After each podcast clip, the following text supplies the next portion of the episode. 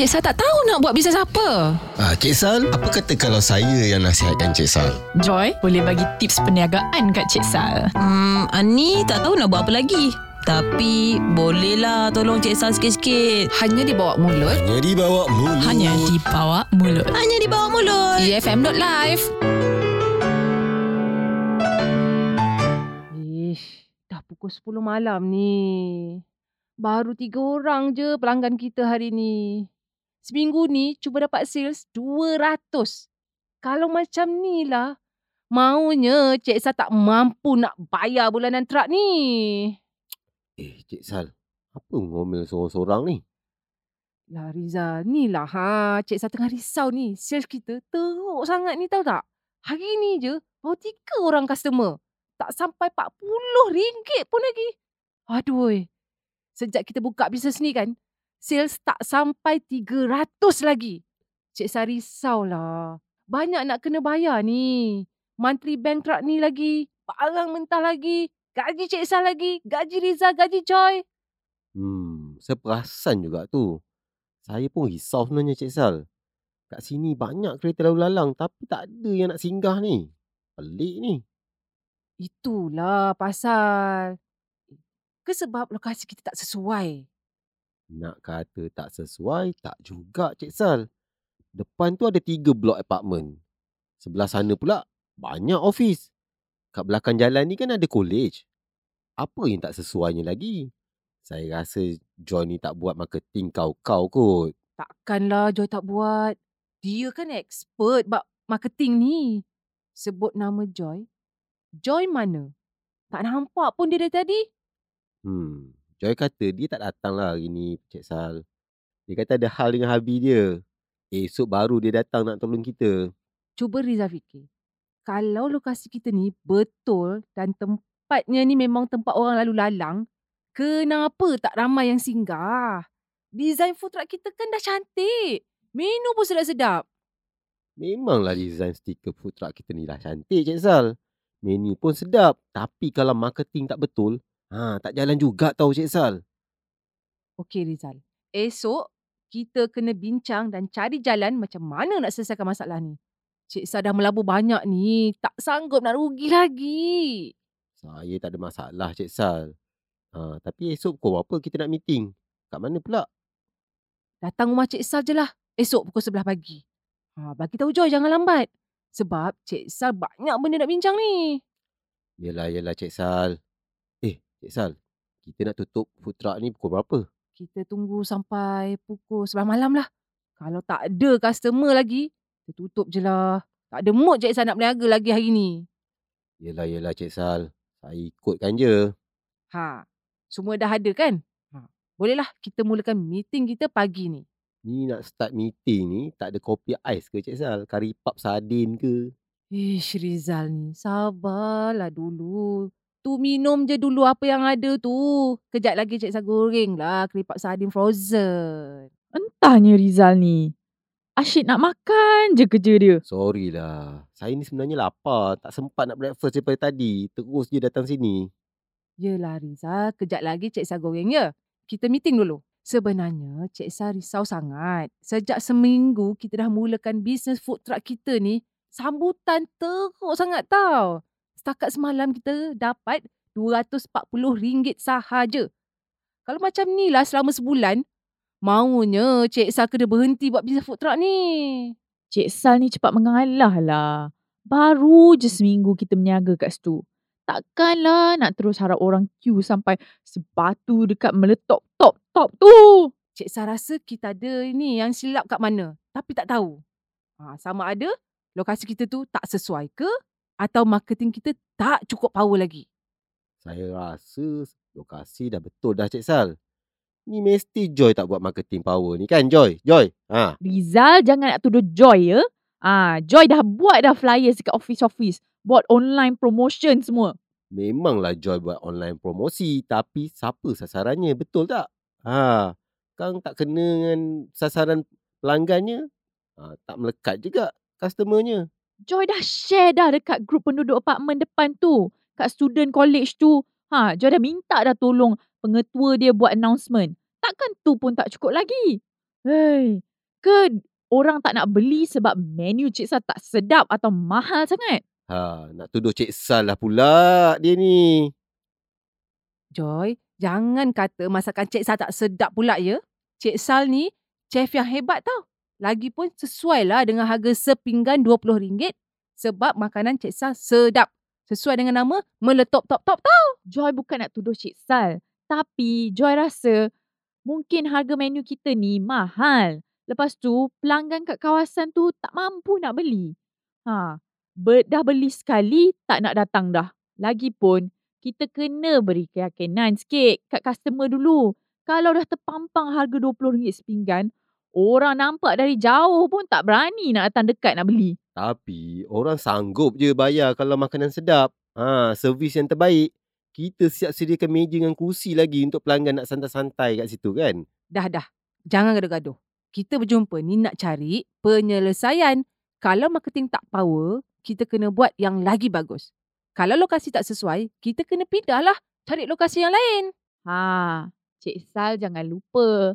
Kalau harga menu mahal, lepas tu sasaran pelanggan pula tak tepat, kenalah turunkan harga. Wah Joy, sempat lagi sindir Cik Sal ya. Dah, korang listkan dulu apa masalah yang korang rasa penyebab bisnes kita ni slow sangat ni. Sementara tu, ha, Cik Sal nak goreng mi goreng dengan kari pak sardin jap. Rizal tu dah lapar. Alhamdulillah. Lega saya mendengarnya Cik Sal nak masak mi goreng dengan kari pak sardin tu. Ha, gila cepat. Saya dah lapar sangat dah ni. Yelah Cik Sal, kita orang listkan dulu.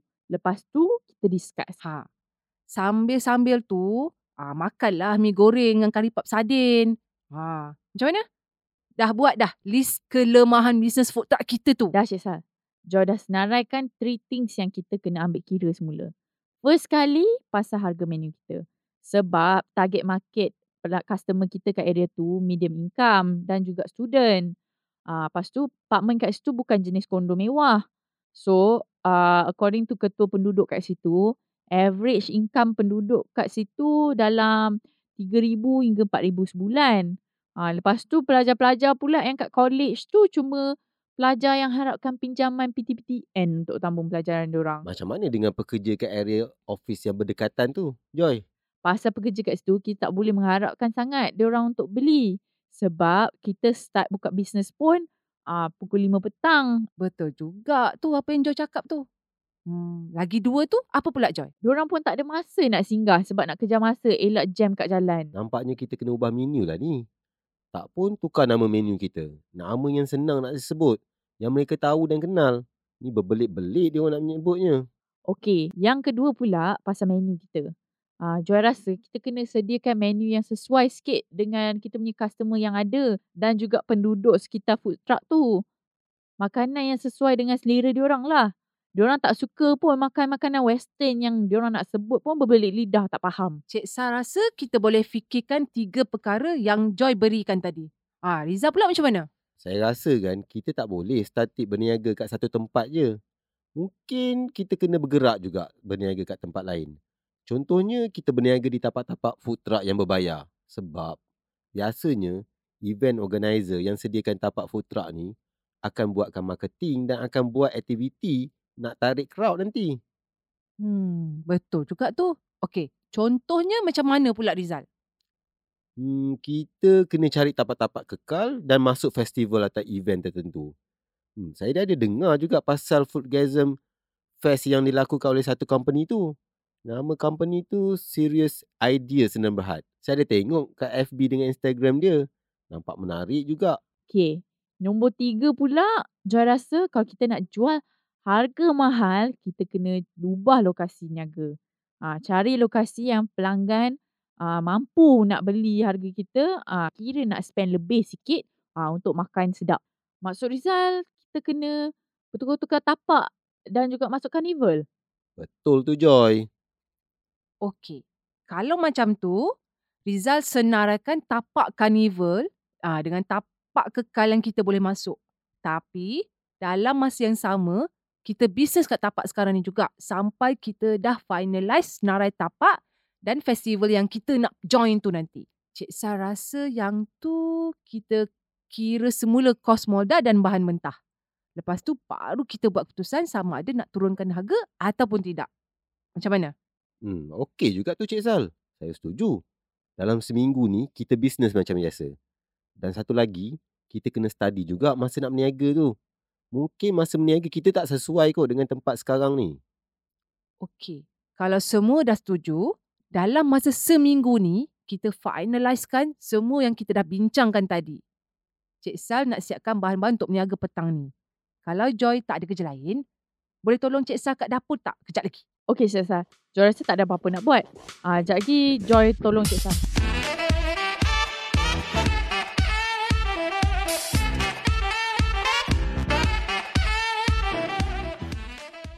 Rizal, cuba dengar radio EFM live ni. Ni show business makeover yang Nana Mahazan hostkan tu kan? Yelah, dia tengah interview owner Foodgasm Fest yang Rizal cerita tadi. Yelah, baru cerita tadi. Dah keluar pula pasal foodgasm ni. Cuba korang kuatkan lagi radio tu. Cik Sal pun nak dengar. Cik Sal ni peminat Nana Wazan tau. Sejak dari AF dulu. Ha. ha. Kalau boleh, kuatkan supaya pelanggan kita semua boleh dengar. Lagu-lagu kat EFM pun sedap. Top 40 semuanya. Cik Sal, apa kata kita cuba bagi diskaun dekat harga menu kita malam ni? Ha, kita test market malam ni. Hmm, betul juga tu. Kita nak bagi potongan berapa persen, Joy? Kita buat potongan 50%. Tengok ada customer tak datang beli malam ni. Bagus juga tu. Saya printkan potongan diskaun 50% besar-besar. Kita tampal kat menu tu. Buatlah cepat, Rizal. Cik Sal tak kisah kita potong harga malam ni. Tak sanggup mata Cik Sal tengok meja dan kursi kosong tak ada orang duduk. Yang tu Joy setuju. Riza, cepat tolong Cik Sal. Tak menang tangan datangan Cik Sal ni tertiba malam ni. Ramai pula orang datang nak makan kat sini. Yelah Cik Sal. Ah, tapi janganlah Cik Sal nak mengeluh. Orang tak ada. Cik Sal komplain. Orang ramai pun Cik Sal komplain.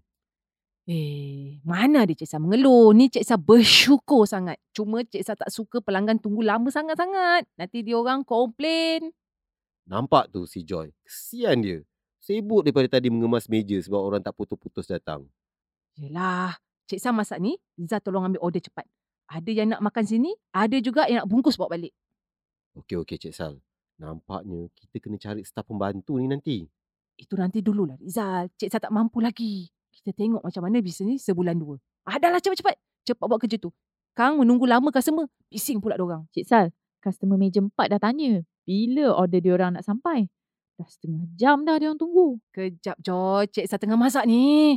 Meja enam pun dah tanya. Sebab diorang nak cepat. Yelah, yelah. Minta diorang bersabar sikit. Cik Sal seorang yang tengah masak. Okey Cik Sal. Joy risau je kalau diorang tak nak tunggu. Nanti takut diorang cerita pula dekat uh, kawan-kawan diorang yang servis kita ni slow. Yelah. Ha, ni. Dah siap untuk meja empat. Joy minta dia orang datang ambil dan bayar. Kita kan buat self-service. Okey Cik Sal, jangan lupa meja enam ya. Alhamdulillah. Malam ni sales kita meletup-letup lah. Yelah Cik Sal, penatnya rasa badan ni. Ha, jangan nak komplain penat-penat bagai. Dah ramai orang patut bersyukur. Ha, berapa sale kita malam ni Cik Sal? Ha, malam ni je kita dapat RM930. Alhamdulillah, banyak juga tu. Seminggu berniaga, tak dapat pun 300. Malam ni, terus dapat RM930. Terima kasih Joy sebab bagi idea potong harga tadi. Rasanya sebab kita bagi diskaun 50% lah. Terus sama yang datang.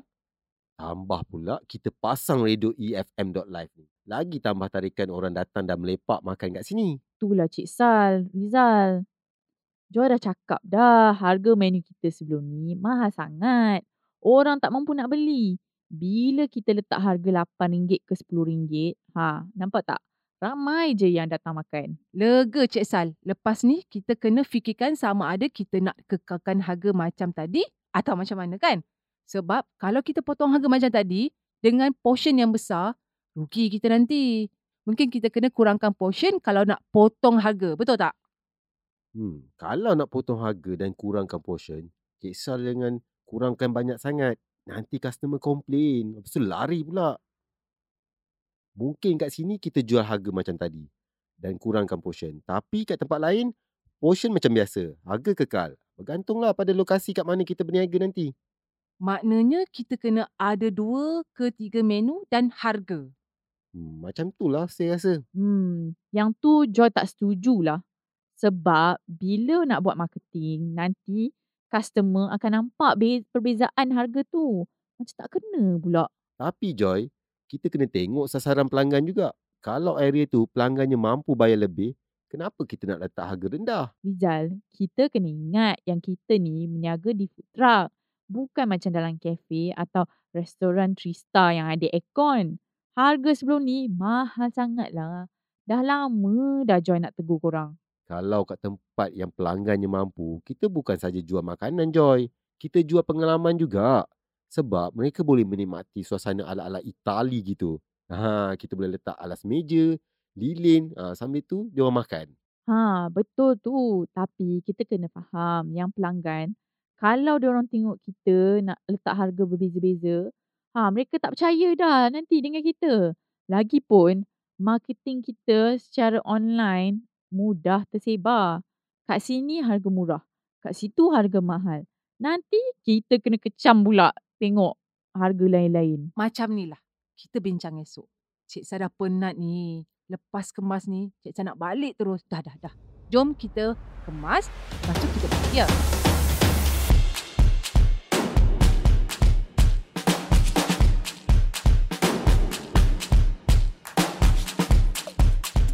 Cik Sal, Joy ada call Cik Sal tak?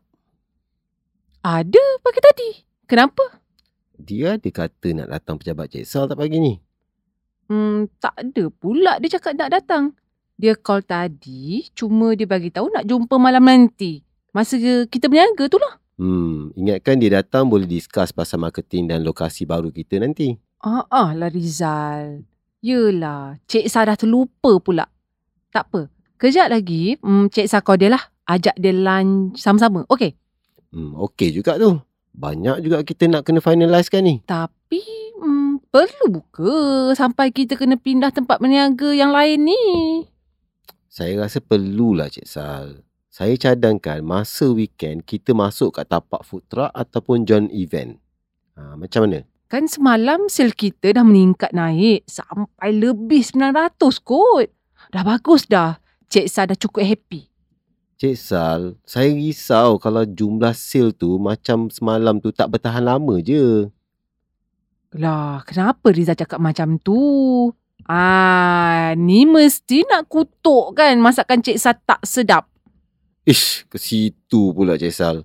Masakan Cik Sal dah cukup perfect, sedap. Ah, cuma kita kena cari tapak yang lebih baik lagi. Yang sentiasa ramai orang. Kalau kekal kat satu tempat je, nanti orang jemu Cik Sal. Dia orang pun nak tukar-tukar menu juga. Hmm, ya ke Rizal? Ya, Cik Sal. Saya ada dengar usahawan truck yang Nana interview, Nana Mahazan tu, ha, dia interview semalam kat segmen Business Makeover tu, kat EFM.live. Ha, dia cerita dah benda-benda semua. Ah, Nana Mahazan tu? Eh, Cik Sa peminat dia tau. Eh, dia kata apa Rizal? Ha, dia cakap usahawan yang dia interview tu ada banyak food truck dan dia juga sebenarnya perunding untuk usahawan yang nak buat bisnes food truck. Dia cakap sebaiknya usahawan food truck ada pelbagai lokasi dan bukan statik kat satu tempat. Ha, masuk event, ha, masuk tapak food truck yang kekal sebab akan dapat banyak lagi dan pelbagai jenis customer. Alah, kenapa Rizal tak bagi tahu Cik Sa yang Nana Mahazan ada interview usahawan food truck tu semalam? Rugi tau. Cik Sa tak dengar apa yang tu. Jangan risaulah Cik Sa. Cik Sa boleh download podcast tu dekat www.efm.live nanti. Lah, senang je rupanya. Kenapalah Cik Sa boleh tak tahu? Senang je Cik Sal. Sebab tu saya suka dengan EFM.live ni. Ada macam-macam tips tau. Ha, konten dia macam-macam. Segmen dia. Ha, bicara express pun ada. Bicara Express? Ish, Bicara Express tu segmen apa pula Rizal? Ha, bicara express tu segmen buat bicara untuk usaha muda bawah 30 tahun. Eh, bagusnya. Mesti ramai kan anak muda yang berniaga sekarang kan? Ha, alah tak berpeluang lah Cik Sa nak jadi tetamu untuk bicara Express tu. Hmm, sebab Cik Sa kena masuk kategori otai. Haha. Sedar pun diri. Harap-harap kan satu hari nanti Cik Sa dapat iklankan bisnes Cik Sal kat radio EFM tu. InsyaAllah boleh Cik Sal. Nanti saya kontak nombor yang tertera kat website EFM tu. Eh, Cik Sal dah call Joy ke? Syok sangat sembang dengan Riza pasal EFM tu. Terlupa pula lah nak call Joy. Ah, kan terlambat call, dia tak dapat join lunch kita. Ha, sebab ada appointment lain lah, dating lah. Okay, kejap. Cik Sal call Joy kejap. Mana Joy ni Cik Sal? Dia confirm ke datang? On the way lah tu kot agaknya. Biasalah jam tengah hari macam ni. Semua orang keluar nak pergi makan kan. Sabarlah sikit Rizal. Saya dah lapar lah Cik Sal. Alah, kalau lapar, Rizal pergilah ambil makanan dulu. Ah, lepas tu makan dulu. Okeylah, okeylah. Saya dah lapar sangat ni, tak tahan ni. Ha, saya nak pergi ambil makanan dulu lah. Assalamualaikum. Dah lama ke korang sampai? Waalaikumsalam. Lama tak lama lah. Dah kebulur lah yang kat sebelah ni ha. Sampai tak menyempat nak tunggu Joy. Dia dah makan dulu dah. Sorry lah Joy. Ha, tak tunggu Joy. Lambat sangat. Dah lapar sangat ni. Oh, tak apa. It's okay Rizal. Cik Sal. Ah, sorry ya. Saya lambat sebab itulah jam teruk lah. Tadi masa datang sini ada accident dekat highway. Biasalah. Selalu jadi macam tu. Okey je Joy. Tak apa. Ha. Eh, Joy nak makan apa? Tadi Cik Sal dah order dah nasi goreng ayam tadi untuk Cik Sal lah. Oh, itulah. Yelah. Joy pun lapar juga ni. Jap, jap. Nak tengok menu je nak order. Okey, sementara tunggu makanan korang sampai, apa kata kita discuss dulu pasal food truck meletup top-top ni. Ha. Ah, yelah, yelah. Petang ni, Cik Sal nak siapkan barang-barang jualan. Ah, tak boleh lama-lama dah kat sini. Saya cadangkan hari Minggu, Jumaat, Sabtu dan Ahad, okey, food truck kita tu berniaga kat kawasan tetap food truck. Ha, Isnin dengan Selasa, kita berniaga kat tempat sekarang. Rabu, Kamis, kita berniaga kat kawasan dekat dengan area shopping mall. Macam mana? Hmm, tapi kenapa eh Rizal? Apa justification kita nak pindah-pindah tempat ni? Macam ni Joy. Macam saya cakap dekat Cik Sal tadi. Supaya kita ada pelbagai jenis customer. Kalau kita berniaga di satu tempat, nanti customer sedia ada, dia bosan dengan menu yang sama je. Ah, Cik Sal setuju dengan Rizal. Yelah, Rizal pun dah dengar apa advice perunding food truck kat segmen Business Over bersama Nana Mahazan kat Radio EFM tu kan. Ah, bagi Cik Sal, kalau pandangan dan tips dari EFM, memang Cik Sal setuju. Sebab konten mereka tu memang bagus. Ah, lepas tu, banyak ilmu pula untuk usahawan macam kita ni. Okay lah. Kalau semua setuju, Joy pun setuju juga. Lagipun, hmm, justification Rizal tu betul juga. Joy pun rasa macam tu. Ha, kalau semua dah setuju, ah Rizal kena bagi cadangan lokasi ah dengan event yang kita sesuai untuk kita join lah. Ah berapa sewa dia? Lepas tu macam mana kita nak join tu semua? Yang tu Cik Sal jangan risau. Ha, dalam 2-3 hari ni, saya bagi beberapa cadangan, lokasi dengan kosnya untuk kita bincangkan. Ha, bagus tu. Tapi pasal harga menu tu macam mana? Kita nak kekalkan ke harga asal atau turun harga ke macam semalam? Ah, ha, macam mana tu? Hmm, yang tu kita belum decide lagi kan? Ah, Cik Sal rasa macam nak turunkan harga macam semalam. Mungkin ah kita tak nak rugi kan? Portion menu tu kita kurangkan. Ha, yang tu saya setuju. Betul tu. Ah, okey. Joy setuju. Kita kekalkan harga sama ah, walau kat mana pun kita uh, berniaga. Senang Joy nak buat marketing. Kalau tak, harga lain-lain, eh susah juga. Hmm, betul tu. Kalau semua dah setuju, malam ni kita teruskan bisnes meniaga kita dengan harga macam semalam. 50% diskaun. Eh, setuju, setuju juga. Ha, makanlah cepat. Cik Sal tu banyak kerja lagi nak buat ni. Nak berniaga lagi malam ni. Ha, yelah, yelah. Cepat-cepat makan. Eh, Rizal. Rizal ada pergi tengok tak operasi kilang frozen food kita yang sehari dua ni? Tu Cik Sal. Yang tu Cik Sal jangan risau. Semuanya berjalan lancar. Staff kita semua bagus-bagus Cik Sal. Rajin-rajin. Macam mana dengan order pula? Ada tak yang bertambah, Rizal? Alhamdulillah. Ada Joy. Bulan ni meningkat order 20%. Dan saya cadang nak sewa bus kat Malaysia Halal 2019 yang nak buat dekat KLCC Convention Center tu. Wah, bagus tu. Ah, good job lah Rizal. Awesome. Yang tu kita discuss masa meeting lain. Sekarang kita makan dulu. Lepas tu, ah kita selesaikan satu-satu je. Assalamualaikum Kak. Waalaikumsalam. Ah, nak order ke? Tapi akak belum niaga lagi ni. Tak start pun lagi. Tengah siap-siap bahan-bahan lagi ni. Tak kak, kami ni penguatkuasa dari Majlis Bandaraya. Penguat kuasa? Ah, ya. Ada apa cik? Akak boleh tunjuk sijil perniagaan. Oh, kejap ya. Ada semua sijil perniagaan ni. Semua ada. Kejap. Ah, Okey. Ah, ni cik. Hmm, SSM dan lesen berniaga semua ada. Ah, ya cik. Akak niaga memang ikut undang-undang. Tapi kak, sijil-sijil ni saja tak mencukupi. Tak cukup? Apa pula yang tak cukup? Ah, encik-encik semua jangan buat saya panik. Sijil cukup semua tapi tempat akak berniaga ni salah. Ish, takkanlah salah encik. Ni tempat parking je. Bukan akak berniaga kat tengah-tengah jalan raya. Lagipun, akak ni berniaga food truck. Sure, boleh berniaga kat mana-mana. Namanya pun dah truck kan? Boleh bergerak-gerak. Ha. Sabar kak. Biar saya terangkan.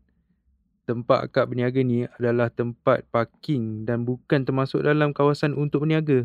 Kalau akak nampak kat situ, ada signboard dilarang berniaga. Okey, tapi saya tak ganggu lalu lintas. Lagipun saya berniaga dari jam 6 petang sampai 12 malam je. Orang dah tak parking kat sini petang sampai malam, cik. Ya betul kak, tak ada orang parking sekarang. Tapi bila akak letak truk akak kat sini, buka meja dan kerusi, akak dah menyebabkan orang datang sini dan parking bersepah-sepah. Lepas tu membahayakan pelanggan sebab jalan ni, jalan lurus dan kenderaan laju-laju lalu sini. Alah, cik. Janganlah saman akak, cik. Lagipun kak, pihak majlis nak pastikan kawasan sini bersih dan pemandangan tidak terganggu dengan gerai-gerai ataupun food truck yang tidak dapat kelulusan berniaga di kawasan ini. Habis tu, apa akak kena buat ni, cik? Macam ni lah kak. Sebab ni kesalahan pertama akak dan kami bukan nak mencari salah orang tapi lebih kepada pendidik. Jadi hari ni akak cuma dapat warning je. Akak kena kemas barang-barang akak dan jangan berniaga di sini lagi. Alamak, kena kemas. Rugilah akak macam ni. Barang mentah semua dah siap. Ah, maaflah, cik. Bagilah akak berniaga hari ni je kat sini. Tak boleh kak, saya minta maaf. Ni berkaitan undang-undang. Kalau kami benarkan, nanti apa kata pen, nanti apa kata peniaga lain? Sebab sebelum ni, sebelum ni pun mereka kena saman dan ada yang kena sita. Ha? Sita? Ya kak, hari ni saya cuma bagi amaran je. Lepas ni kalau akak berniaga di sini lagi, kami terpaksa bagi saman. Dan jika masih berdegil, kami akan sita putra akak ni. Habis habis akak macam ni. Tak pasal-pasal rugi lagi. Rizal, Joy. Kenapalah korang tak check semua-semua ni dulu? Aduh. Ya.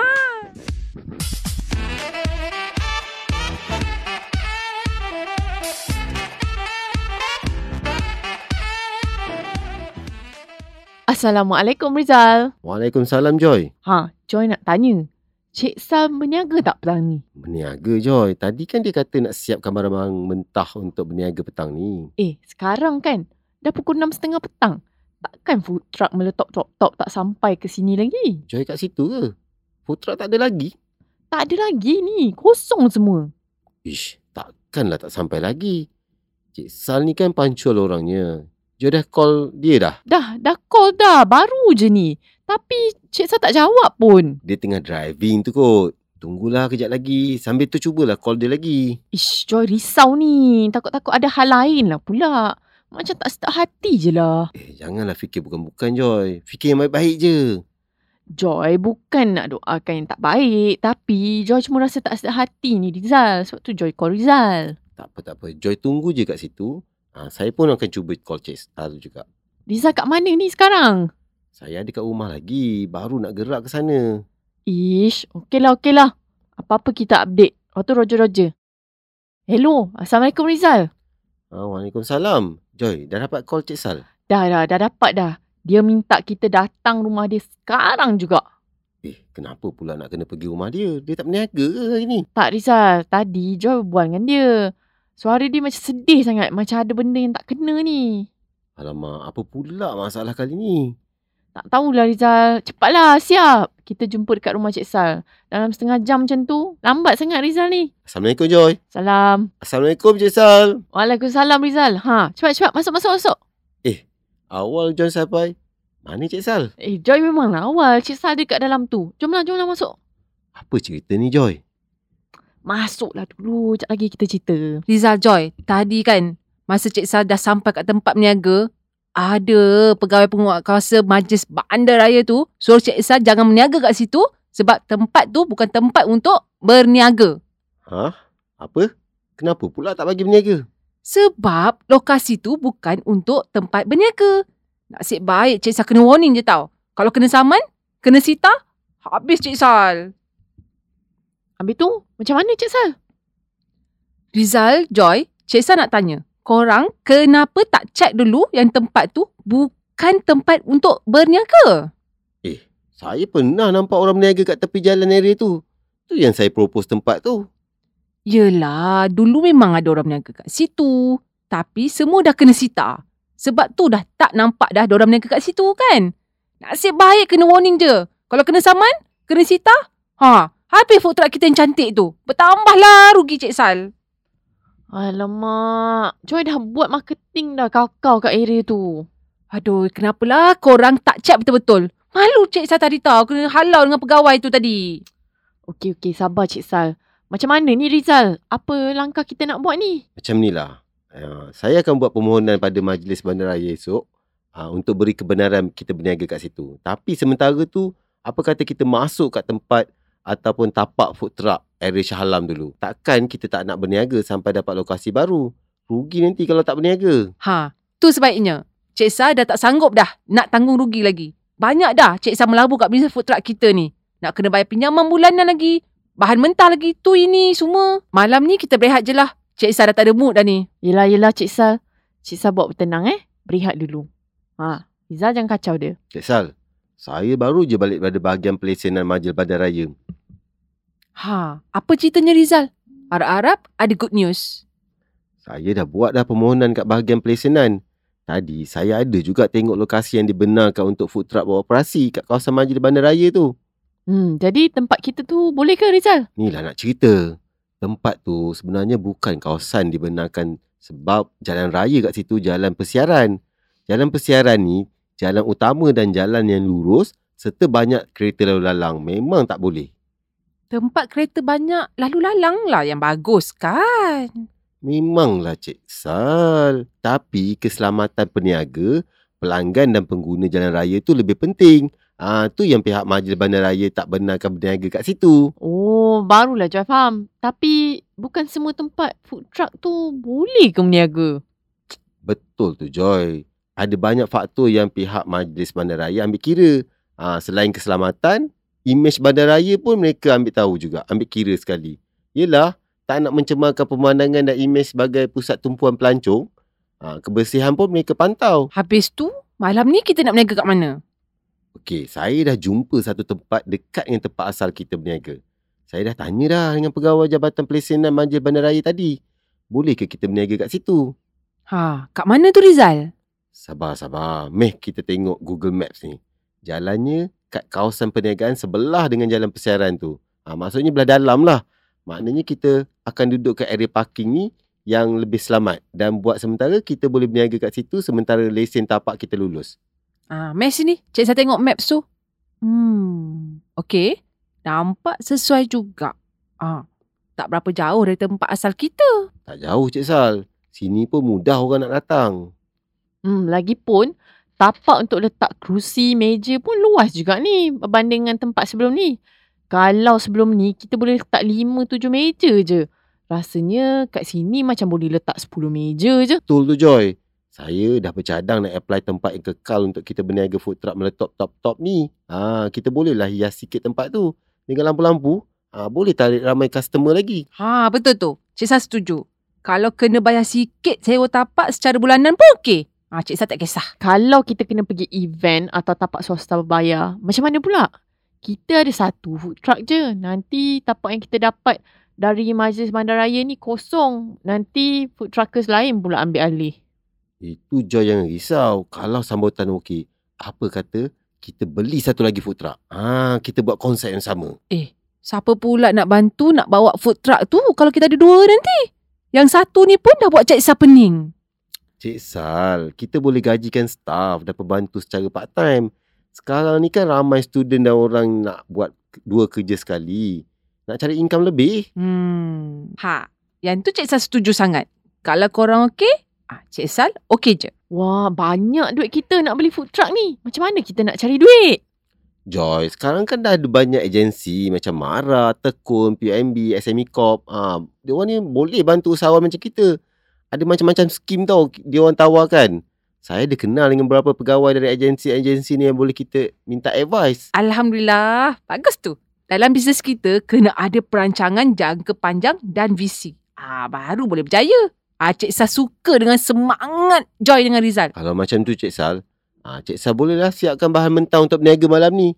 Kita berniaga kat tempat baru. Ah, yelah. Ah, Joy, boleh tolong tak war-warkan kat customer melalui media sosial kita tu ah, pasal lokasi baru kita berniaga ni lah. Tak nak lah orang pergi dekat tempat lama. Ah, nanti diorang ingat kita dah tak wujud lagi dah. Ah, itu boleh Cik Sal, no problem. Tu tak ada masalah. Joy akan bagi tahu customers kita yang dah ada and promote kat media sosial. Okay?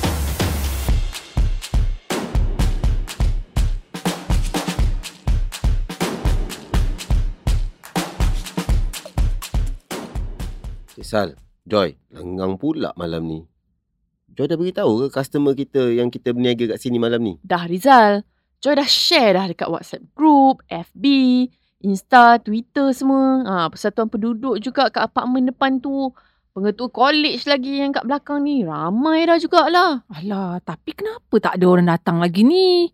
Ha, risau pula Cik Sal ni kalau tak ramai datang. Sebab, yelah diorang tak tahu kan lokasi baru kita ni. Sabar Cik Sal, ni baru pukul 8 malam. Mungkin ada yang belum tengok FB, Insta, Twitter bagai tu semua. Yelah, baru lepas maghrib kan. Hmm, mungkin jugalah. Tak apa. Kita sabar dulu.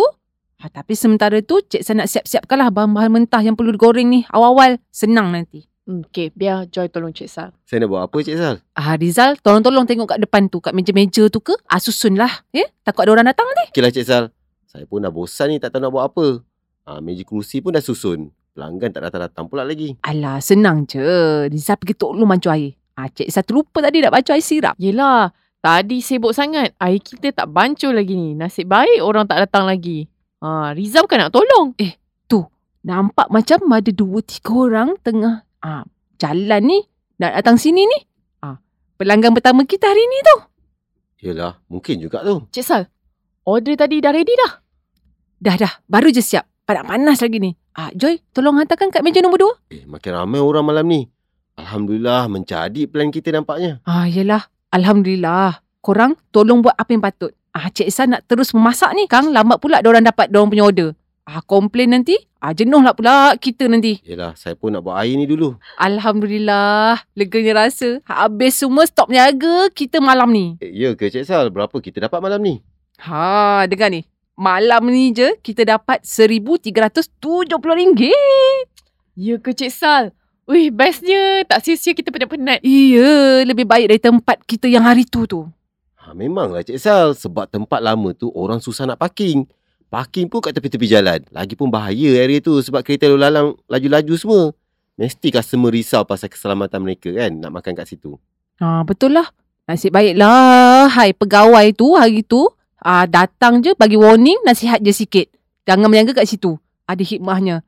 Ah, tempat baru ni lagi bagus pula income kita dapat kan? Hmm, betul je Cik Sal. Setiap apa yang berlaku mesti ada hikmahnya. Kita ni jangan cepat mengalah. Jadi kita akan kekal kat sini je lah. Ha, dan saya pun akan apply tempat kekal ni untuk kita kat majlis badan raya nanti.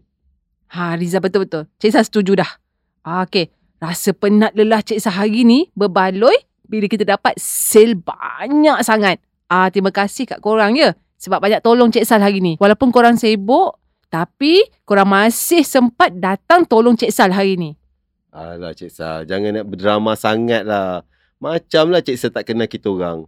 Kita bertiga kan BFF sampai jannah. Betul tu Cik Sal. Joy ni akan sentiasa support Cik Sal. Walau apa pun Cik Sal buat bisnes, okay?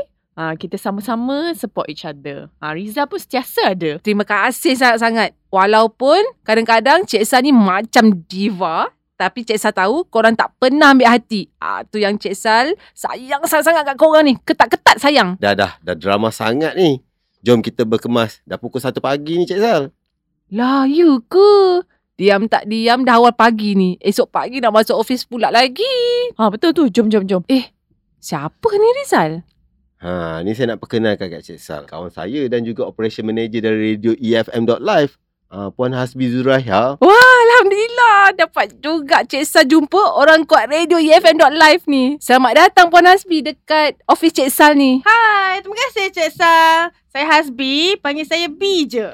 Banyak saya dengar pasal Cik Sal dan Rizal ni. Iya ke? Ah, cerita yang best ke tak best? Mestilah yang best pasal bisnes Cik Sal. Dengarnya Cik Sal ada minat nak masuk interview dalam EFM ya? Di segmen Business Makeover. Ha, betul tu. Dia pun nak beli iklan atau taja segmen kat EFM. Boleh ke Cik Sal masuk radio? Suara Cik Sal sedap tak? Boleh je Cik Sal. Lagipun bisnes Cik Sal ni sesuai sangat kita bantu untuk di makeover kan. Hmm, Cik Sal nak promote tau. Food truck meletup top-top Cik Sal yang baru tu.